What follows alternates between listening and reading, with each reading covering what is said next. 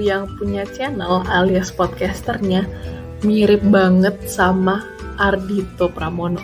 Asli, waktu itu gue lihat sekilas mirip banget. Hi. Oh, that was awkward. Oh my god. I don't know how to properly open a podcast. Since this is my first try, this is also my first episode. And now it kind of feels weird that I'm talking alone in this room. Anyway, kayaknya gue langsung ngomongin aja ya topik yang mau gue bicarain hari ini. Since ini episode pertama banget, gue mau cerita awal mulanya gue tertarik buat dengerin podcast sampai akhirnya sekarang gue punya niatan nih buat bikin podcast sendiri. Awalnya banget itu dari tahun 2019. Entah di akhir atau di tengah, gue rada lupa. Pokoknya itu pas anak SMA kelas 12 lagi gencar-gencarnya belajar buat UTBK, ujian tertulis, uh, berbasis komputer. Itu gue bener-bener yang belajar dari pagi sampai malam sih. Terus gue itu tipe orang yang kalau belajar nggak bisa tempat sunyi senyap, yang cuma suara jangkrik doang, gue nggak bisa fokus. Aneh gak sih?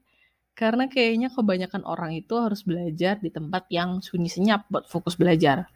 Tapi gue harus ada backsound nih kalau pas belajar, entah itu lagu, uh, suara TV atau ya random video aja gitu di YouTube. Gue emang belum kenal sih sama Spotify waktu itu, jadi gue denger musik dari playlist gue di YouTube. Isinya video klip lagu-lagu booming, lagu-lagu booming waktu itu. Uh, akhirnya ada satu waktu di mana gue itu bosen sama playlist gue. Gue coba scroll lah feed YouTube. Gue scrolling, scrolling, sampai akhirnya YouTube ngerekomen video dari sebuah channel judul kontennya si podcast teman tidur. Pas gue lihat yang punya akun YouTube itu alias podcasternya itu mirip banget sama Arito Pramono asli sekilas waktu itu gue gue lihat mirip gue lihat mirip banget. Eh uh, ya karena mirip itulah gue tertarik buat dengerin podcast teman tidur. Waktu itu gue emang belum ngasih podcast itu sebenarnya apa. Yang gue paham ya podcast itu konten YouTube tapi tanpa visual, cuma audio, isinya orang cerita-cerita. Long story short, kita sampai nih di pertengahan COVID, mid 2020. Gue udah graduate dari SMA, lagi serem-seremnya COVID, dan ya lagi parno banget dong mau keluar rumah. Itu juga nggak tahu kenapa bertepatan sama listrik di komplek rumah gue sering banget mati siang setengah siang hari tengah tengah hari siang bolong yang panas banget AC di rumah gue mati wifi mati. Gue nggak bisa ngapa-ngapain di rumah. Kalau mau keluar rumah takut. Di rumah nggak ada AC panas wifi mati nggak bisa sosmedan nggak bisa internetan. Kuota gue juga pas-pasan yang kudu dihemat sampai akhir bulan. Terus ya kayak orang gabut pada umumnya, gue liatin aja dah tuh isi HP. Gue scroll menunya, buka-buka galeri, cari wallpaper baru, dan ngerapin home screen. Pas gue ngerapin home screen, gue baru nyadar banget. Setelah tiga tahun pakai iPhone, ternyata ada aplikasi built-in, yaitu Apple Podcast yang warnanya, logonya ungu itu loh. Kayak, aduh, masa tiga tahun pakai HP baru nyadar kalau ada aplikasi Apple Podcast gue buka dong isinya podcast semua terus gue baru ngeh nih ternyata podcast itu bukan cuma sekedar konten YouTube podcast itu punya platformnya sendiri. Gue lanjut deh tuh scrolling di Apple Podcast sampai gue nemu rapot. Gue tertarik buat dengerin rapot kayak gara-gara gue ngeliat Reza Candika. Nah Reza Candika itu kebetulan juga ada di serial Keluarga Badak yang mana itu serial di YouTube. Nah gue coba lah gue gue play tuh si rapot. Kayaknya seru nih. Eh bener dong. Di episode pertama gue tuh ada banget momen ketawa sama nangisnya. Secara itu tuh episode ngomongin hari ibu. Auto banget gak sih ada momen nangisnya? Nah yang gue suka dari podcast kita kalau dengerin podcast di Apple Podcast dan Spotify kita itu nggak melulu harus online. Kita nggak melulu harus online dari awal sampai akhir episode gue waktu lagi sering-seringnya mati lampu, gue cuma online sampai di sekitar menit kedua atau menit ketiga. Abis itu udah deh, gue matiin seluler data sampai abis satu episode.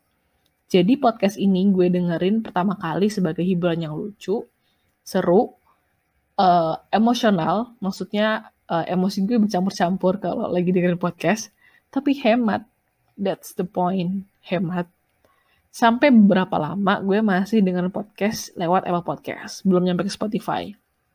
Gue emang bukan Spotify user sih awalnya karena gue mikir kalau Spotify I have to pay for the subscription and if I did not go premium I thought that time I can I could not listen to anything. So yeah it's useless kan? Uh, akhirnya sampai di titik gue penasaran nih sama Spotify karena gue habis nge ngepoin Instagramnya rapot terus gue tahu ternyata mereka juga upload di Spotify. Akhirnya gue coba deh download Spotify for Windows di laptop. Ternyata bisa ya dengerin lagu di Spotify tanpa tanpa go premium. Dan malah podcast bisa dengerin gratis kalau di Spotify. Langsung deh tuh gue lanjut epi, gue lanjut maraton episode episode rapot. Waktu itu ada dua podcast sih yang gue dengerin secara rutin. Pertama rapot kedua ada Get Sleepy. It's a sleep story and meditation and meditation podcast you guys should give it a try though because it really put me to a good sleep. Kemudian ada juga BKR Brothers. Gue tau mereka gara-gara rapet juga sih. Genrenya sama ya kayak ngobrol-ngobrol di tongkrongan mereka. Nah kenapa gue bisa betah banget dengerin podcast sampai gue rutin tungguin tiap minggu episodenya? Itu karena gue bisa relate dan gue ngerti apa yang mereka obrolin. Dan rapot sih waktu itu udah jadi yang paling gue relate dengan daily life gue kalau mereka kalau BKR Brother sama podcast teman tidur I I don't know ya, waktu itu sih I cannot find that click.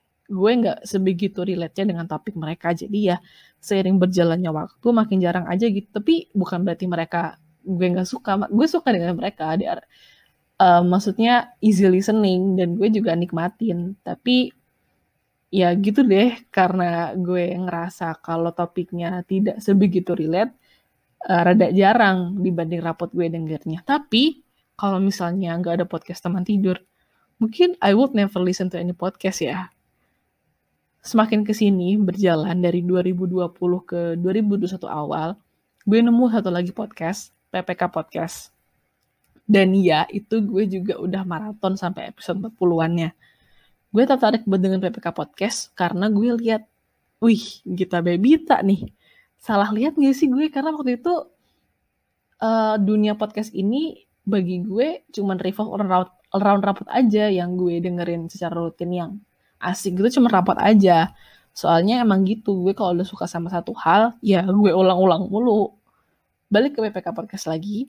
Lagi-lagi karena serial YouTube serial YouTube keluarga badak yang gue udah mention sebelumnya Gita Bebita kan juga ada di situ. Dia juga berperan di serial itu jadi gue dengerin dia itu PPK podcast hancur sih ada banget momennya gue ketawa-ketawa gak jelas tengah malam pas maraton PPK podcast Lalu akhirnya finally Spotify recommends me podcast Mas.